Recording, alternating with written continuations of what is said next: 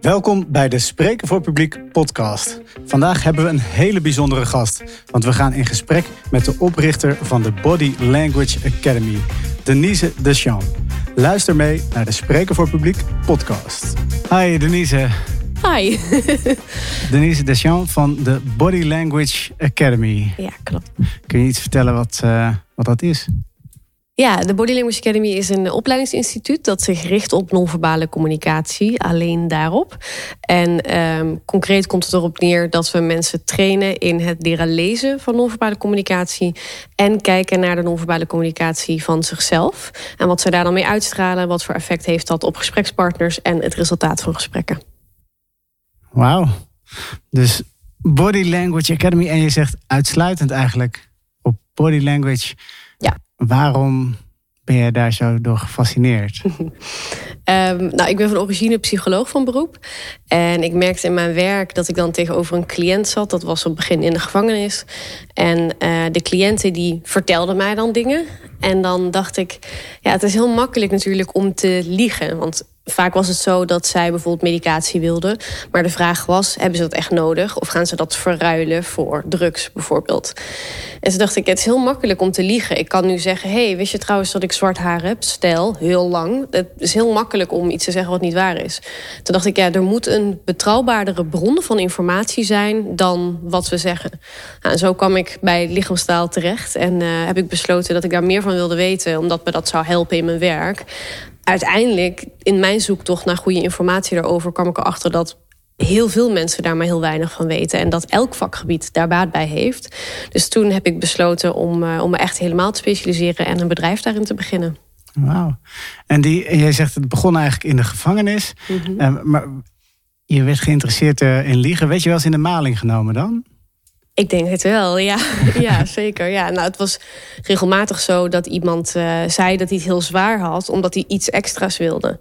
En dat kan dan medicatie zijn of naar een andere afdeling... of een cel alleen in plaats van met z'n tweeën of zo. En dan ja, moet je toch over nadenken, is dat echt zo of niet? Ja, dus dat, die taak had jij ook gewoon eens om te controleren van... Uh, word, ik, word ik hier in de maling genomen? En, en mm -hmm. toen je nog niks wist, toen je nog helemaal niets had gelezen over, uh, over dit onderwerp, hoe, hoe deed je dat dan? Ja, toen was het denk ik zoals de meeste mensen doen. Dus dan is het weer op onderbuikgevoel. Als je denkt, ja, dat klopt niet helemaal. En dan had ik wel van alles geleerd over gesprekstechnieken. Dus dan ging ik doorvragen. Maar dan nog, dan blijft het zo'n gevoeletje. En dan vond ik het, waar ik dan tegenaan liep, was... dan moet je een rapport schrijven en dan denk je... ja, wat ga ik nou zeggen? Ja, mijn onderbuikgevoel denkt dat het niet waar is. Weet je wel, dat is een beetje ja. raar om te zeggen. En wat is dat dan waard ook, dat onderbuikgevoel? Wat is dat eigenlijk, weet je wel? En, en in hoeverre zit mijn eigen referentiekader daar ook in? Dus toen dacht ik, ja, ja, dat is het enige wat ik dan had. En wat je dan en, en, dan ga je daar naar zoeken. En waar, waar, waar ga je dan zoeken? Waar, waar, waar ben je begonnen? Uh, nou, ik, had, ik ben eerst gaan kijken naar communicatie in zijn geheel, zeg maar. Ja. En ik dacht eerst van het moet hem in woorden zitten of zo. En toen kwam ik er snel achter dat de verbale communicatie, dus wat we zeggen, dat sturen wij. We kiezen, ik kies gewoon wat ik jou vertel. En het non-verbale, dat kies je niet. Dat gebeurt gewoon. En een stukje kan je sturen, maar veel moeilijker dan taal. Toen dacht ik, oh, dat is interessant. En ik was ook geïnteresseerd in neurologie. Dus toen ben ik gaan kijken, nou, hoe zit dat dan in het brein? Hoe kan dat dan dat dat betrouwbaarder is? Want ik ben super nerdy, dus ik neem niks aan. Ik moet dat helemaal uitvogelen of dat wel klopt. En um, nou, toen kwam ik op allerlei mooie wetenschappelijke onderzoeken... waaruit bleek dat dat uh, veel betrouwbaarder onze emoties en motieven en ook um, of intenties en een stukje persoonlijkheid laat zien. En toen dacht ik, oh, maar dat is wel heel fascinerend als er dus een bron van informatie is waar ik dat echt aan kan zien. Ja, dus die is eigenlijk betrouwbaarder dan wat iemand zegt. Ja. En uh, ben je dat toen een beetje stiekem gaan observeren? Of hoe? um, ja, nou, ik denk in eerste instantie... Je, je moet bepaalde kennis hebben. Dus je moet weten wat er allemaal, wat het betekent wat iemand doet. Maar je moet ook je brein trainen om het te gaan zien. En op het begin had ik wel kennis, maar mijn brein was niet getraind om dit soort dingen echt te zien. ik kreeg gewoon een onderbuikgevoel en dat was het dan. Dus toen ben ik wel inderdaad stiekem gaan observeren. Uh, tenminste, ik vertelde dat niet aan de ander natuurlijk. Nee. Als we eerlijk zijn, doen we dat allemaal de hele dag. Jij observeert mij, ik observeer jou. Alleen niet zo bewust dat je gaat kijken naar, oh jouw voet staat zo, die zit daar. En wat is. Dus dat deed ik dan op dat moment ineens anders. Dat ik echt specifiek naar die signalen ging kijken. Hopelijk zonder dat andere mensen dat door hadden.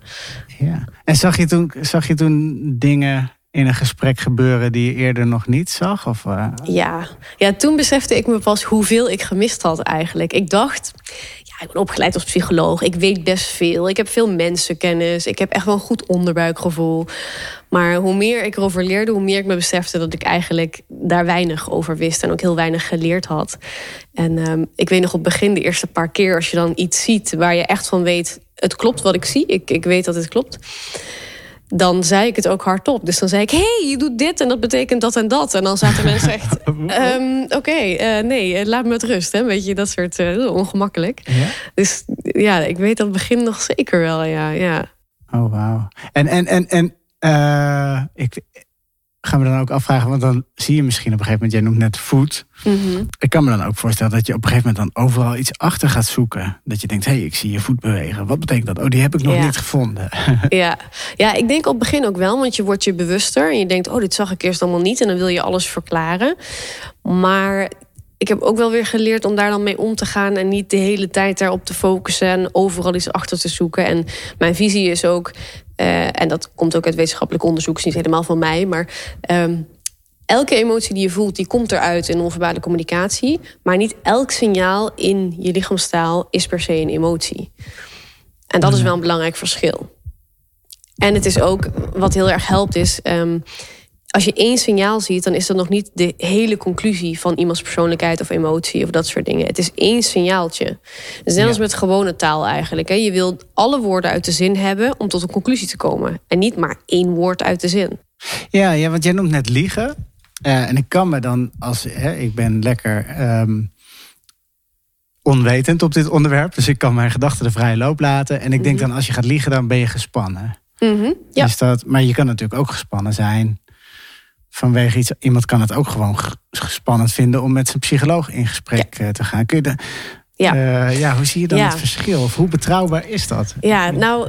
Um, Oeh, er zijn heel veel antwoorden op mogelijk. In ieder geval is het zo in hele grote lijnen. Meestal is spanning aan het begin van het gesprek hoger... en dat wordt dan steeds minder. Bijvoorbeeld in een sollicitatiegesprek... of als je gaat spreken voor publiek bijvoorbeeld... dan gaat dat omlaag. De pieken die dan in het midden zitten en aan het einde, die zijn interessant. Dus als je opeens na een tijdje heel veel stress laat zien, dan vind ik dat interessant. Betekent nog niet per se dat je liegt. Dat leugendetectie is veel moeilijker dan dat mensen denken. Ik kan echt niet zomaar zien of jij liegt. Ik heb daar, stel dat jij gaat nu drie dingen vertellen en één daarvan is gelogen, dan heb ik wel een kwartier nodig om nog dingen door te vragen en te observeren wat er allemaal gebeurt. En dan pas kan ik een conclusie trekken. En dan nog die conclusie is geen exacte wetenschap. Dat is een observatie van mij, die ik dan link aan wetenschappelijk onderzoek. Maar ja, ik kan dingen missen. Ja, en dan is het misschien een trigger van nou, nu ga ik even doorvragen. Hier ga ik even wat ja. op. Ja. Ja, wij spreken ook bijna nooit eigenlijk van leugens, maar meestal verdachte momenten of tegenstrijdige signalen. Dat is meestal hoe we het noemen. Ja. Ja, en dat liegen is dan natuurlijk iets heel, iets, iets heel naars of iets heel negatiefs. Maar je zegt van we trainen ook uh, mensen erin. Ik neem, neem, aan dat je niet, je bent niet de leugendetector trainer van, uh, van nee, Nederland. Nee. Wat, wat, uh, wat trainen jullie zo al? Nou, het is heel breed. Het kan bijvoorbeeld zijn uh, om uh, salesmensen te leren de ware weerstand en interesse te zien. Hè. Dus is bijvoorbeeld de prijs echt het probleem of willen ze gewoon het onderste uit de kan halen? Maar ook artsen om empathischer te communiceren. Want vaak brengen zij informatie. Nou, mevrouw, u heeft nog drie maanden te leven. En dat is vaak de informatie. En zij zijn heel goed geschoold. En dat is een sterke kant. Maar om dat empathisch te brengen. Ja, ja daar kan, kunnen ze vaak nog gaan werken. Dus dat bijvoorbeeld. Uh, heel veel trainers en coaches. En sprekers ook. Om te kijken hoe kom ik nou over. En, en is dat ook hoe ik van binnen ben. Want uit onderzoek blijkt dat we ongeveer 74% van de eerste indruk is accuraat met hoe iemands karakter is. Dat betekent dat je dus iets meer dan een kwart verkeerd inschat. Ja. En dat is best gek. En betekent dat dan ook dat als er honderd mensen in een zaal zitten, dat misschien wel een kwart van de zaal jou ja. verkeerd? Ja, ja, het is meestal zo dat een gemiddelde van die mensen, dus zeg dat iemand schat mij 100% in zoals ik ben, en iemand anders die 90% en iemand anders 60. En uiteindelijk komt er dan een gemiddelde uit van 74%. Ja, precies. Dus, de... dus er zitten kleine afwijkingen En, en, en kun je dan ook ehm, je perceptie van je. Stel dat je wat anders wilt overkomen. Mhm. En je wil als spreker bijvoorbeeld. En je zegt van nou, goh, ik zou het graag eh, willen dat mensen wat meer onder de indruk zijn van Mhm. me of iets dergelijks. Kun je daar dan ook trainen op je. Ja, zeker. Ja. Het is, eh, wij zijn heel erg tegen toneelstukjes, zeg maar. Ja? Dus het moet niet een fake speech worden, bijvoorbeeld. Hè? Tenminste, als dat niet je doel is. Ehm, maar het is vrij makkelijk om iets aan je uitstraling te veranderen... zonder dat het een toneelstuk wordt. Mensen denken vaak dat ze heel veel moeten doen... maar meestal is het één signaal die je dan moet vinden... waardoor je, ja, wij zeggen dan, iets schuift op de lijn. Dus je gaat bijvoorbeeld iets meer naar eh, overtuigingskracht... of naar zelfverzekerdheid toe als je één ding eh, verandert. En je kan ook best wel een uurtje, zoals het voor spreker is... het volhouden om je anders voor te doen... Maar de waarheid lekt ergens altijd door. Dus stel ik let heel erg op mijn bovenlijf... dan gaan mijn voeten wel laten zien dat er eigenlijk iets niet klopt. Dus dat raden we meestal ook niet aan. En is het meer iets afleren bij mensen wat jullie doen? Of moet je vaker iets aanleren? Een goede vraag. Ehm, ja, ik denk altijd dat je automatisch iets voor iets anders vervangt. Dus dan leer je iets af en iets aan. Ehm, wij kijken meestal naar... ehm, we hebben twee lijsten. Eigenlijk is de ene kies een nieuw signaal... en de andere is welk signaal herken je en laat die weg. En dan kijken we meestal naar... is iemand een matcher of een mismatcher? En een matcher is iemand die ziet wat er klopt, wat er wel is. En een mismatcher is iemand die ziet wat er niet is... wat er mist, hè, wat er anders moet, zeg maar. En die mensen hebben beide baat bij een andere lijst. Dus dan kijken wat past er bij jou. Nou, dan pak je die lijst en dan ga je daarmee werken. Ja, en, en, en eh, oh god, ik, ik zit helemaal vol met vragen. Het is, dat is mooi. het is voor mij zo'n onontgonnen terrein dit. Eh, Dus ik voel me ook de hele tijd natuurlijk, dat, dat zul je heel vaak horen denk ik van mensen. Dat je, als ze met jou praten, dat ze de hele tijd eh, zich bewust gaan zijn van, Ja. zit je me niet in de ik, gaten te houden. ik? Ja. Ja. ja, dat is echt niet zo. Het is eh, sowieso, want hoe, hoe meer mensen er zijn, hoe moeilijker het is om dat te doen. Ja. Eén op één is makkelijker, maar ik heb mezelf wel geleerd om dat niet te doen. Want je op begin, toen ik dit leerde, mijn brein ging hiervoor aanstaan, waren er regelmatig situaties dat ik dacht van, oh, maar het gaat helemaal niet goed tussen hun. Of eh, hij is hier eigenlijk heel boos om. Of oeh, dit bedrijf dat staat eh, een beetje op het randje van eh, springen of zo. En dat vond ik helemaal niet fijn, want dan ja, ik wist niet zo goed wat ik met al die emoties van al die mensen moest, zeg maar. Ja. Dus er waren ook echt een paar maanden in mijn leven. Ik denk dat het vier, vijf maanden zijn geweest. Dat ik het moeilijk vond om nieuwe mensen te ontmoeten. Want dan kreeg ik ineens allerlei informatie van jou. die jij niet per se bewust gedeeld had met mij, maar die je dan liet zien. Hè, bijvoorbeeld, jij vertelde straks van: ik heb een dochtertje. Als ik dan ga opletten, dan zie ik daar emoties over. Ja, precies. En nu Ah, probeer ik me daarvoor af te gewoon een warme schermen. glimlach. Ja, precies, ja. Of een slaaptekort, een van de twee. ja, precies. Ja. ja, nu heb ik geleerd al wel een aantal jaren om me daar een beetje voor af te schermen. En eh, ja, dat gaat eigenlijk automatisch. Ik zie het pas als er echt volgende emoties zijn. Dus stel dat jij zwaar verdriet hebt, bijvoorbeeld over je dochtertje om de een of andere reden, dan valt me dat vaak wel op. Dan is nog de vraag aan mij wat ik daarmee wil doen, natuurlijk. Want jij hebt het niet gezegd. Dus om dan te zeggen, oh, waarom ben je zo verdrietig? Dat is ook niet helemaal eerlijk, vind ik. Nee, ja, dat is natuurlijk dan ook even wachten tot een geschikt eh, moment. Kan me Ja, als je dat al wil vragen. Ja, Want dat is heel vaak. De, ik denk altijd hoe ethisch is het dat ik informatie zie die jij niet gedeeld hebt met mij. Dus jij hebt niet de keuze gemaakt dat ik het weet, maar ik zie het gewoon en dan ga ik erover beginnen. Ik weet niet wat ik daar ethisch gezien van vind. ja. Nee, nou ja, ik denk dat je sowieso daar ruimte voor moet hebben. Als, als, als die er niet is. Je kunt natuurlijk niet, als je bij de kassa van de supermarkt staat, zeggen van nou... eh, Nou, mevrouw, ik zie het allemaal wel. Nee. ja. ja. Ben, je heel bewust van je eigen lichaamstaal ook eigenlijk? Ook niet meer zo. Nee, er was ook een tijdje dat ik dat had van, oh, wat doe ik dan allemaal nu? En dat ik heel bewust was, zoals de meeste mensen zijn als ze met mij praten. Eh, maar ook dat heb ik afgeleerd, want dat, ja, het werkt niet. Het, eh, ik- zie het het liefst, zeg maar, zoals fysiotherapie uiteindelijk als je iets wil leren qua lichaamstaal. Dus het is niet dat je nu denkt, oh, nu moet ik een rechte rug hebben. Nee, je wilt je spieren aanleren om die rechte rug te hebben. En dat is met lichaamstaal ook. Dus we maken gebruik van spiergeheugen. En dat wil zeggen, stel dat je heel vaak je hoofd schuin houdt. Daardoor kom je wat onderdaniger over, toegankelijker. Maar je wilt juist krachtig zijn. Dan wil je die spieren leren dat deze beweging, deze houding, dat je die minder wil. Dus dan ga je die spier trainen om dit te doen. Ja. En dan is het na een aantal weken, zoals bij de fysio... dan is het niet meer dat je zo moet gaan zitten... maar dan ben je automatisch zo. Ja, precies. En is het dan zo dat de, de ene helft van de mensen vaker zijn hoofd moet laten zakken en de andere helft vaker zijn hoofd rechtop uh, moet doen? Of? Ja, ik weet niet of het half-half is, maar uh, ja, de, de, mensen die bijvoorbeeld wat krachtiger willen overkomen, daarbij helpt het vaak als ze hun hoofd recht houden. Mensen die zeggen, nou, ik kom vaak te krachtig over, of zelfs een beetje arrogant of afstandelijk, dan kan het helpen om juist aan de zijkant te houden. Ja, ja. een beetje kantelen. dat is grappig. Die, uh, ik heb uh, vanmiddag de hele middag uh, stemcoaching gehad. Mm. Dus ik zie een soort raakvlak. Maar ja. ja. is dat want, want dat, dat komt ook heel erg vanuit houding. Of in ieder geval, daar werd ik op getraind. Van, nou, kijk eens wat er gebeurt als je je hoofd omhoog doet en ja. je stem dan uh, klinkt. Is, zit dat, heeft dat raakvlakken met wat jij doet? Um, nou ja, deels wel. Want het deel van de stem wat jij nu noemt is ook namelijk non-verbaal. Het is wel vocaal, maar het is niet ja? verbaal. Want verbaal betekent eigenlijk woordelijk.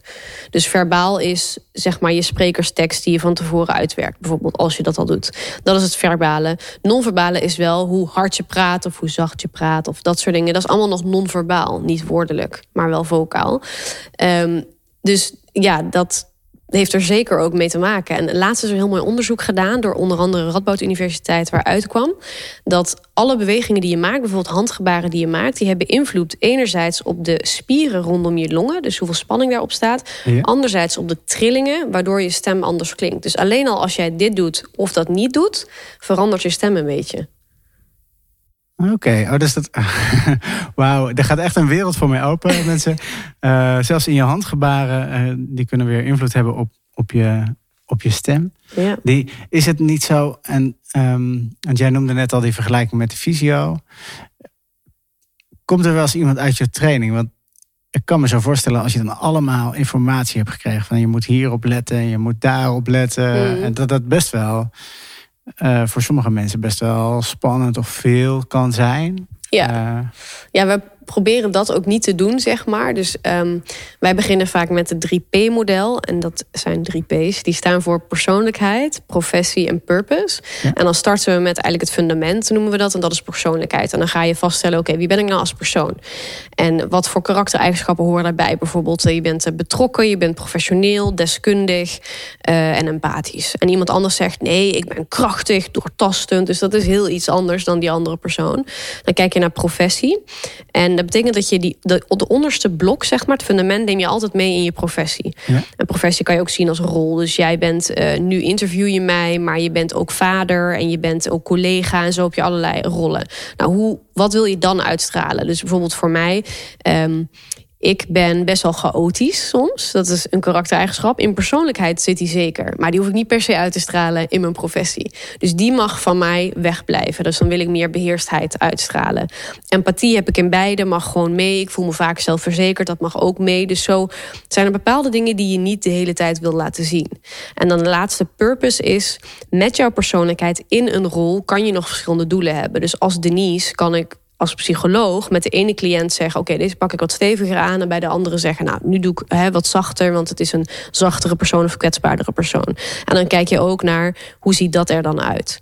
Nou, en daar horen dan signalen bij. Dat betekent meestal, heel concreet gezien, dat jij achter vier signalen komt die jij weet, als ik die inzet, verandert mijn uitstraling. Als ik wat zachter wil zijn bij deze cliënt, was dit ene signaal. Wil ik iets steviger zijn, was dit ene signaal. Dus dan is het redelijk weinig.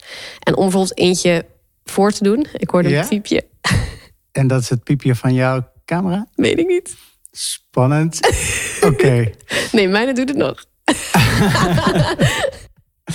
Goed, we gaan, dit is wel een goede cliffhanger mensen. We gaan zo meteen even een break in en daarna gaat uh, Denise iets voordoen. Ja. ik ben benieuwd. Spannend. De Spreken voor Publiek podcast wordt mogelijk gemaakt door sprekenvoorpubliek.nl. Aanbieder van concepten, trainingen en keynotes. We gaan gauw verder met de podcast. Spannend. Je ging ja. iets voordoen. Ja, um, lastig zonder of met microfoon eigenlijk. Um, als jij nou, ja, als jij hem nou vasthoudt. Nou, bijvoorbeeld een van mijn signalen weet ik. Zal ik een beetje naar de camera gaan voor de mensen die luisteren. Pak het filmpje erbij. Uh, een van mijn signalen is ik praat heel veel met mijn handen en daarbij zijn mijn polsen heel los. Dus ik praat een beetje zo. Op het moment dat ik iets meer controle wil hebben, ik wil iets meer um, ja, in control overkomen, iets meer impact hebben op de groep, dan weet ik dat ik mijn polsen vast moet zetten. Dus dan ga ik in plaats van dit, ga ik dit soort dingen doen. Betekent dat verder alles hetzelfde blijft. Mijn stem blijft hetzelfde, het aantal gebaren blijft hetzelfde. Ik doe niks anders Behalve dan, in plaats van die polsen los, zet ik ze zo vast. En dan voelt het alsof ik iets meer in control ben dan als je ze zo doet. Merk je dat? Ja? Ja, nou dat is wel één signaal. En dat is dan mijn signaal. Want voor jou zou het kunnen dat hij helemaal niet werkt met de combi van de rest van jouw signalen. Want dat is de kunst. Je moet iets vinden wat voor jou geldt. En dat is dus voor iedereen anders. Ja, en jij zegt hij voelt dan meer in control. Hij voelt voor mij als toeschouwer, voelt het alsof jij meer in control bent. Maar voelt hij voor jezelf ook meer in control dan? Ehm, ja, ik denk het wel. Ja. Er is ook wel heel veel onderzoek naar gedaan. En het blijkt ook wel dat we ons brein feedback geven met ons lijf. Dus de dingen die je doet, hè, dat, dat, dat beïnvloedt je brein. Dus ik kan me ook voorstellen dat ik dat gevoel dan heb, ja. Ja, ja. Oh, grappig. ik zit een beetje te denken aan van die... Uh, je hebt op een gegeven moment had je was er nog veel te doen over de power pose en zo. Ja, ja inderdaad. De, volgens mij is dat een TED-talk geweest van... Amy Cuddy. Amy Cuddy. En die heeft het onderzoek gedaan. Ik heb me daar toevallig laatst iets over zitten lezen met uh, iemand anders. En Amy Cuddy heeft de TED-talk gehouden. En die zegt van nou, de pose werkt. En toen heeft de dame met wie ze het onderzoek heeft gedaan... die zegt van nou, mm. Amy... Ja, Volgens mij was het dat uh, bij herhaalonderzoek bleek dat het niet zo was. Of niet, dat het effect van de hormonen althans niet zo sterk was. En toen heeft haar medeonderzoeker inderdaad gezegd... ja, ik denk ook niet dat het uh, zo is. Volgens mij was het zoiets. Uh, en uiteindelijk is nu, er zijn nu al heel veel herhaalonderzoeken geweest. Nu blijkt dat de hormoonspiegel, want dat was het idee, als ik zo ga staan, dan verandert mijn hormoonspiegel. Oh. Dat het bij sommige mensen wel zo is en bij andere mensen niet. Kan bij jou zo zijn en bij mij zo. Dus dat is dan lastig. Maar dat het gevoel van ik ben meer zelfverzekerd en ik durf ook meer risico te nemen, ik durf er te staan, dat dat bij iedereen of iedereen, maar dat dat meestal wel verandert. Ja, ja want dat kan ik me ook wel iets bij voorstellen. Ik kan me vroeger toen ik advocaat was, deed ik het wel een soort van voordat ik de rechtszaal binnenliep. Toch even van nou. wat deed je dan? Nou, wat ik mij vooral deed was eigenlijk niet zozeer in de houding, maar gewoon mezelf inbeelden van oké, ik ben de beste advocaat van de wereld. En dan de zaal in. Ja. Dat is toch even een soort mentaal ja. Uh, dingetje. Bijna, bijna een grapje voor jezelf. Mhm. Maar toch voelt dat wel. Dat helpt wel. Ja. Ja. ja. Mooi. Dus die. Uh... Hey, wat, is de, wat is de gekste vraag die je ooit hebt gekregen? Van... Mm, Oeh, de gekste vraag. Oh, nou ja, ik denk ja, een heel gek verzoek. Uh, ik werd een keer gebeld uh, door een uh, onbekend persoon die mij vroeg hoeveel het zou kosten als hij zijn ehm, verloofde stiekem zou filmen. en ik dat dan zou analyseren om te kijken of zij wel of niet loog. En toen zei ik, nou in principe is dat niet het soort zaak. Tenminste, particulier doe ik dat soort zaken niet. Dus en toen zei hij, nee, maar wat zou het kosten? Toen zei ik, nou ja, ik doe dat soort zaken niet voor privépersonen. Dus als het een bedrijfsbelang is, dan is het een ander verhaal. Moeten anderen ook wel op de hoogte zijn? Ja, maar dat is mijn vraag niet. Maar hoeveel kost het als je dat voor mij gaat analyseren? Oké. Oh, wow. dus ja, dat was echt best wel, uh, ja, best wel pittig. Maar uiteindelijk heb ik dat niet gedaan. Dat, uh, Nee. nee. Ik kan niet beelden analyseren van iemand die het zelf niet weet om een privé kwestie. Dat is niet wat wij doen. Nee, maar het was misschien wel een goed idee geweest om het huwelijk maar meteen af te blazen. ja, precies. Oh jee. Ja. ja, dat is dan toch dat mensen dan denken dat je een soort magische kracht hebt ja. Uh, bijna. Hè? Ja. ja, soms zeggen mensen ook wel eens, uh, waar denk ik nu dan aan? Alsof ik dan gedachten kan lezen. Dat is echt absoluut niet zo. Oh ja. Maar dat was ook al wel als psycholoog dat, uh, dat mensen dat zeiden. En dat ik dan zei, ja, maar ik ben geen medium of zo. Ik ben gewoon psycholoog. Dat, uh, het is niet zo dat ik gedachten kan lezen. Het is een psycho dat is vaak ook de verwarring. Ik denk, een psycholoog is er zodat jij meer over jezelf leert. Niet zodat ik meer over jouzelf leer. Ja, precies. Die, en, en, maar hoe ga je dan mensen naar zichzelf laten kijken? Want jij kunt natuurlijk dan iemand observeren. Maar je wilt dat iemand zichzelf leert observeren. Mm. Qua lichaamstaal? Ja. Um, hoe maak je iemand daar bewust van? Of hoe... ja, ja, vaak in oefensituaties. Dus je kan, ik kan met jou in gesprek gaan, ondertussen mijn lichaamstaal observeren.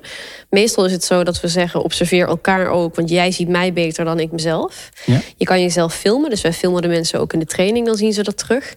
En we proberen ook het gevoelsaspect ervan weg te halen. Dus het is niet: wat vind je daar nou van? Wat doe je allemaal voor gekke dingen? Maar het is eigenlijk heel droog. Wat voor bewegingen maak je nou allemaal? Wat doe je juist niet? Dus dan krijg je bijvoorbeeld... Uh, ik doe veel met mijn wenkbrauwen... maar deze spieren gebruik ik bijna niet. Of uh, ik heb mijn handen constant in mijn zakken... maar mijn voeten zijn de hele tijd aan het tikken. Daar zit helemaal geen mening op of waardeoordeel... maar het is gewoon observatie. Ja. En daar ga je dan volgens mee verder. En dat maakt het makkelijker. Oké. Die, uh, en heb je wel eens uh, dat mensen jou achteraf bellen?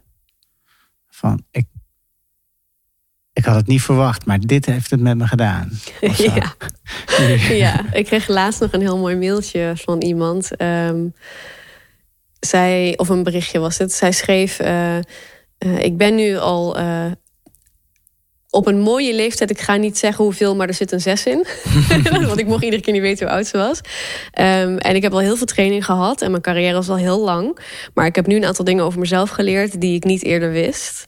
Um, en dat, ja, dat zijn dan hele persoonlijke dingen. Maar zij was dan iemand die voor anderen als afstandelijk... en wat koud en kil overkwam. En best wel ja, een beetje een soort van genadeloos, zeg maar. Het is zoals het is en uh, weinig empathisch. Maar zo was zij helemaal niet.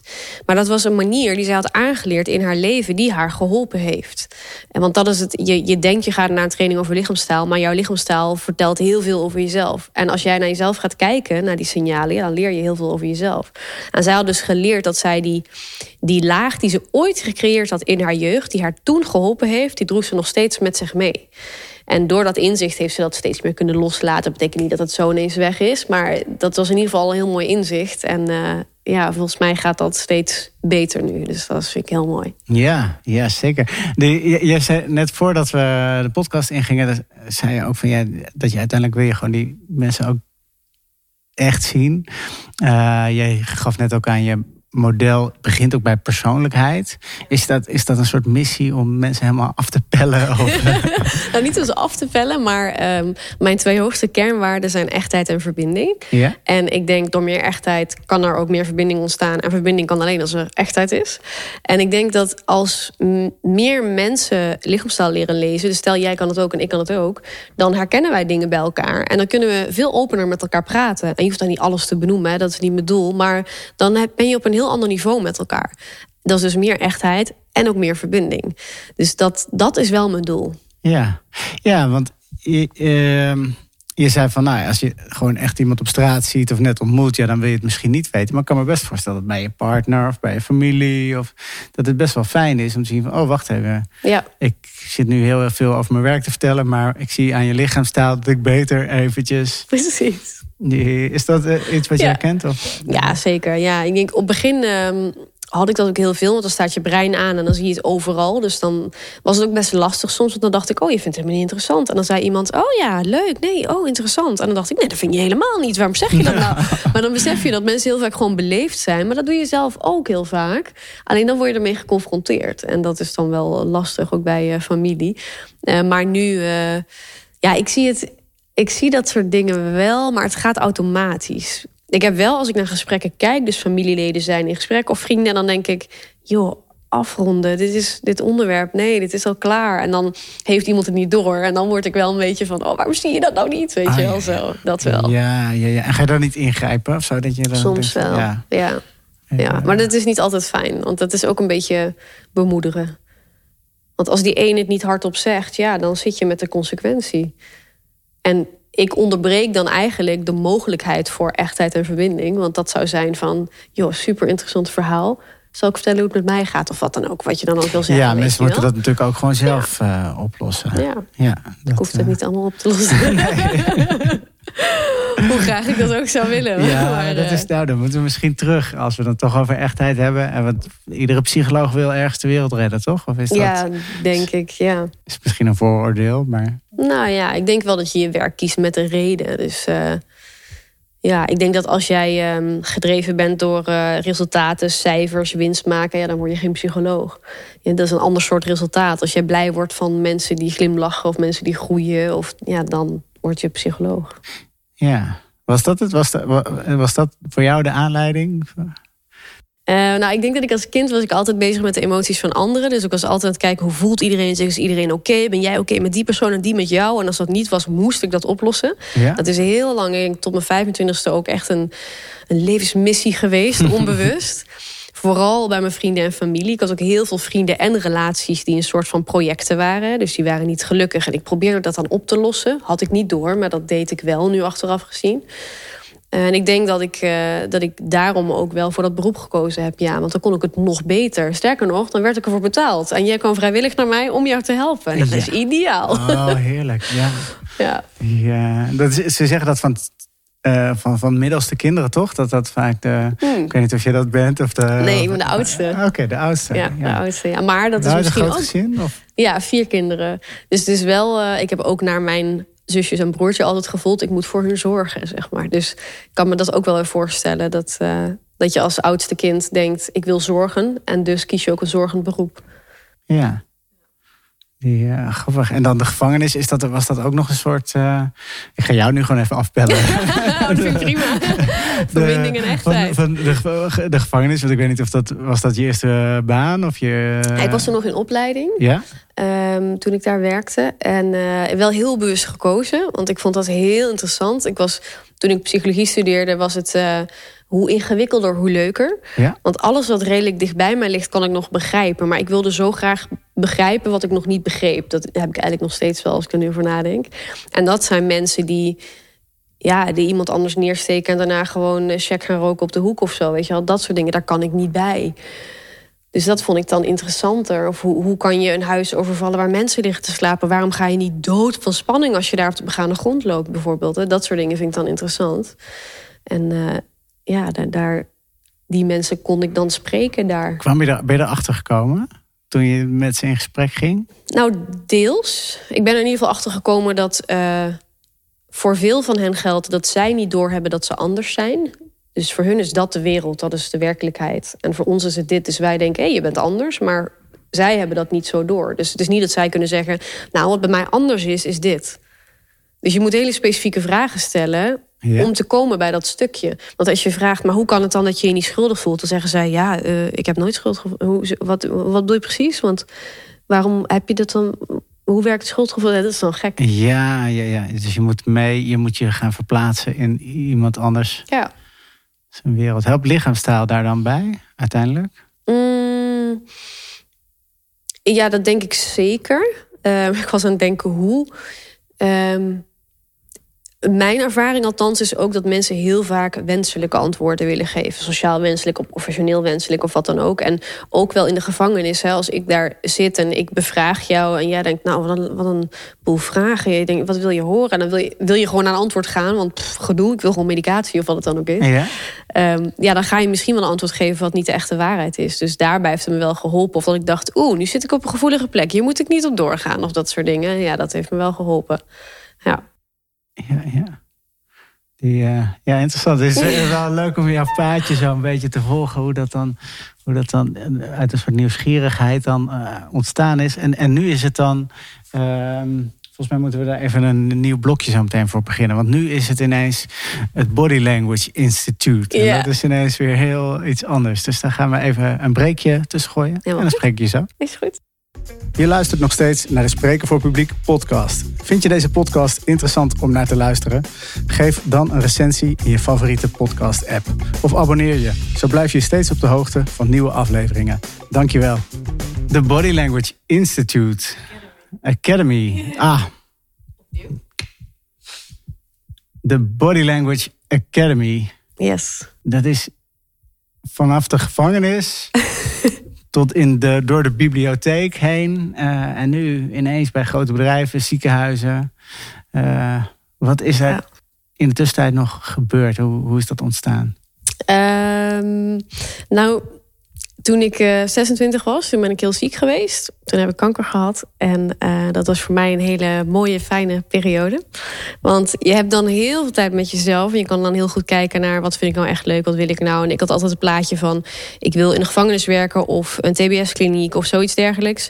Uh, altijd één op één als psycholoog.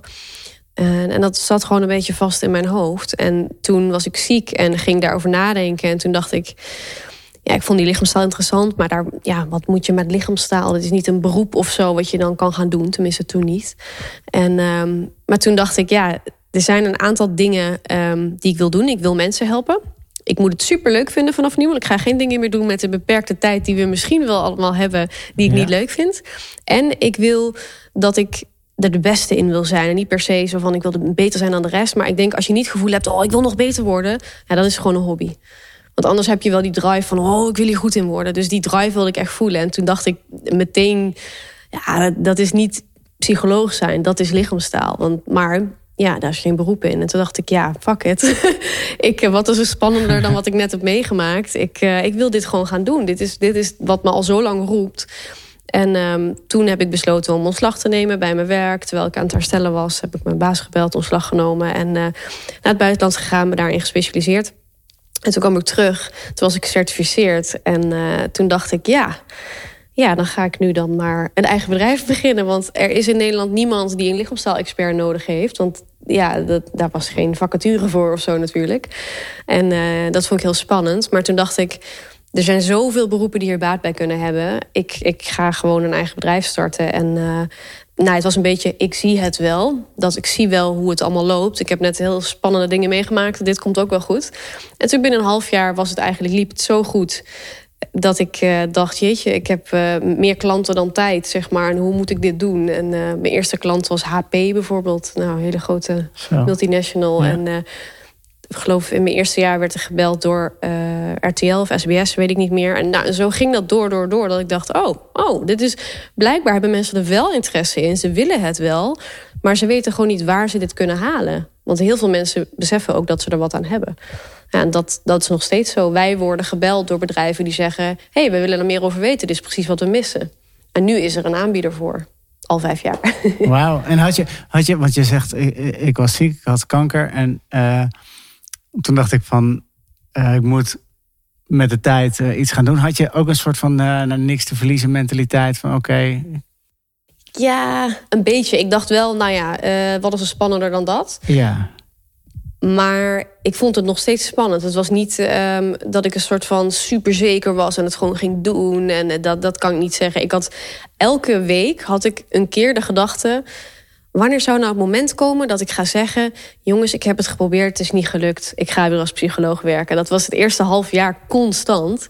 Uh, totdat ik merkte: het lukt echt. Het, mensen willen dit ook en ze snappen het. En uh, ja, toen was dat weg. Maar ik was echt niet uh, super zeker en ja, angstvrij, dat niet. Nee.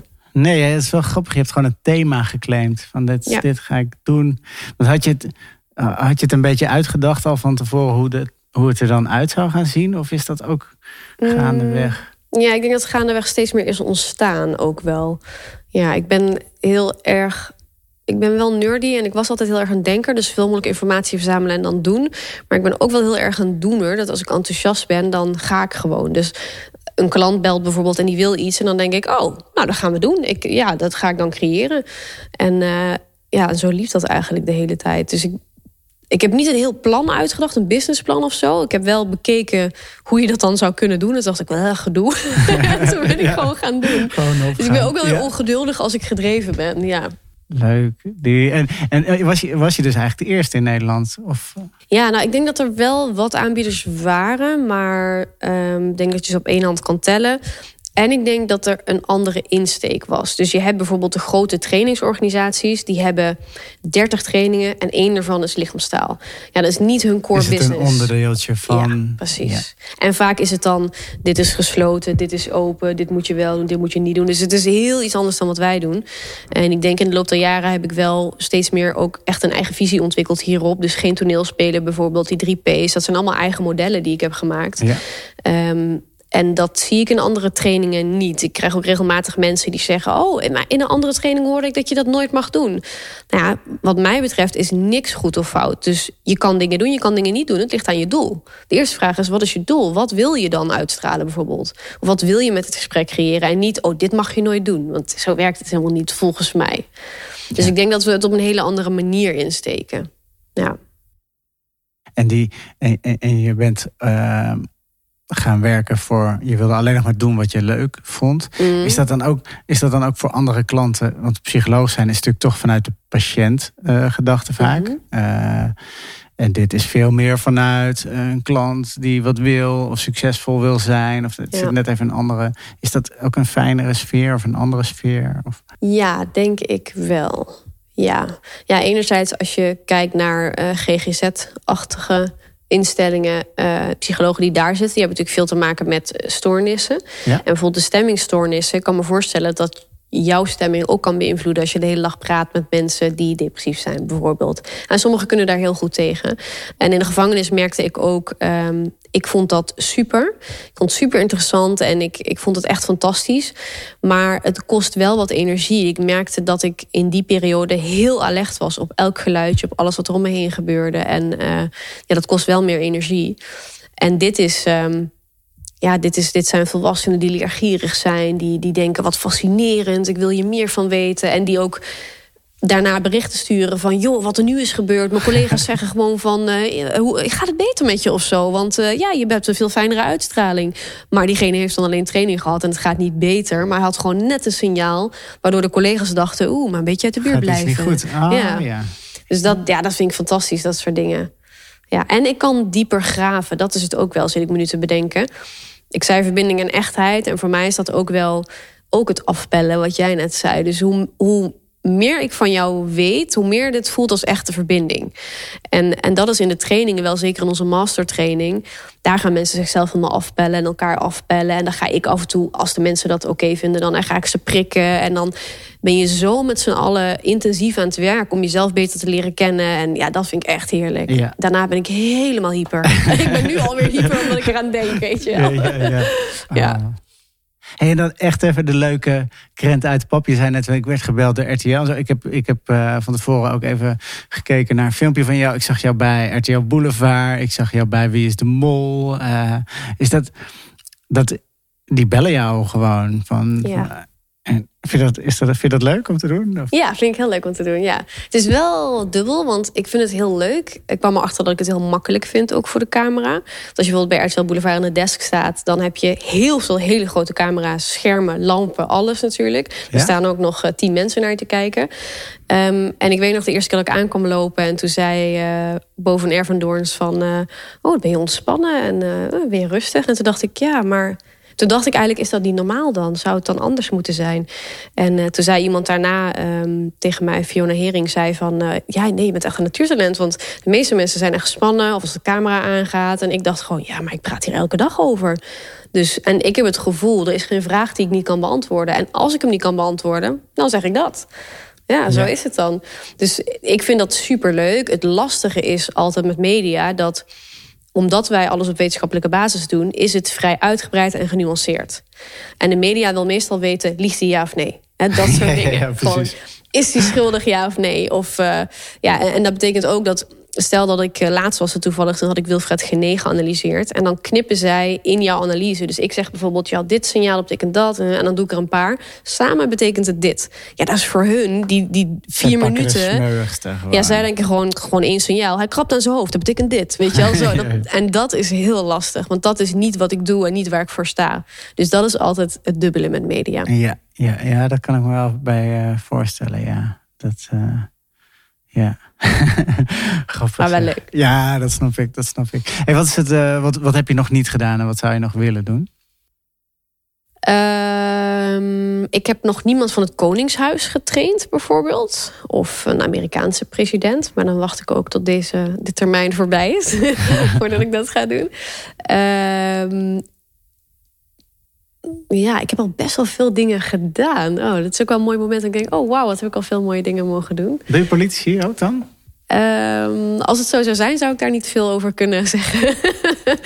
Ehm, maar ehm, in die hoek zijn we wel actief. Ja. Ja. Ah, leuk.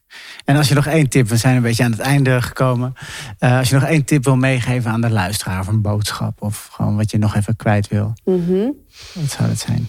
Mm, dan zou ik denk ik zeggen, film jezelf een keer.